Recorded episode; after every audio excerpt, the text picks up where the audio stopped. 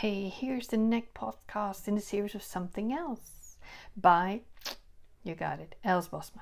So enjoy listening to it. Starting before you are ready. Now, what will do that for you? You know, if you wait for the conditions to be perfect to begin with, you'll never begin.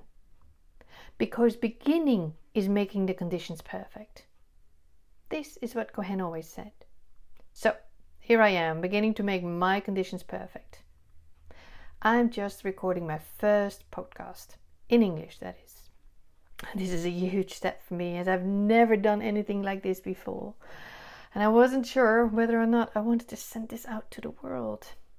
Because why would anybody wants to listen to anything I am saying? Well, that will be my old thought pattern. But boy, have I changed. I have a lot to say, starting with the process of starting. Did you know that waiting for the conditions to be perfect is the most used excuse for not starting at all? So, yep, the sad truth is that we're all very skilled procrastinators. It's a sad conclusion, but luckily there is a way out. Look at this, for instance. Not having any of my conditions right. I know I have no website yet to post my pod- podcast. And I haven't set up a system yet to receive any email addresses for those who would like to follow any of the other podcasts. Yep, I'm starting. Because by recording this podcast, I'm creating the circumstances to have a reason to get all my ducks in a row, to get all the ingredients right for making all my future podcasts, to share it with you. Like starting with this one. So, how did I break through my circle of thought from I'm not ready yet to let's start?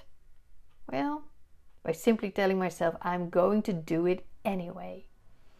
You know, our mind always gives us what you ask for.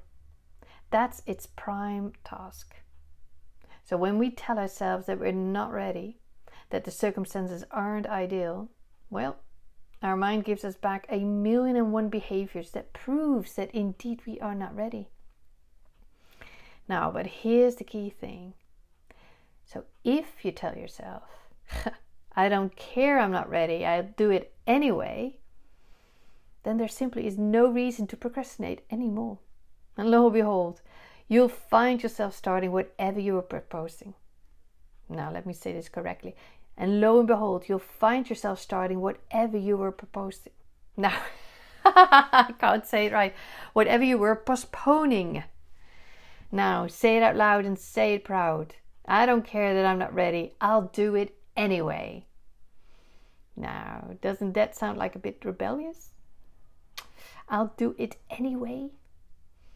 And like that, the little rebel we all have inside us is suddenly woken by this statement rears its head that has been asleep for quite some time, hmm, maybe even since our childhood.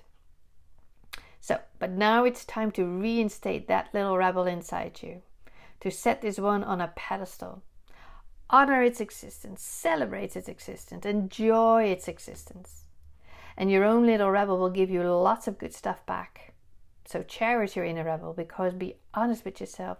When was the last time you actually did anything adventurous without almost talking yourself out of it? it's the rebel who got you to do it anyway. So, is just thinking this not yet enough to get you going? Is there an inner saboteur so strong inside you that is overpowering your inner rebel? Then it's time to talk me. So, because it doesn't have to stay that way, you know that?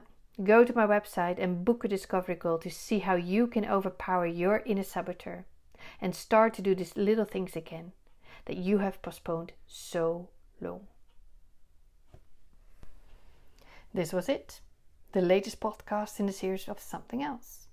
If you want to hear more, sign up for an alert. And in the meantime, check out the website elsbosma.com to see if there are any goodies you like to download for yourself. You never know. It might give you something else you never knew you needed. Talk to you next time.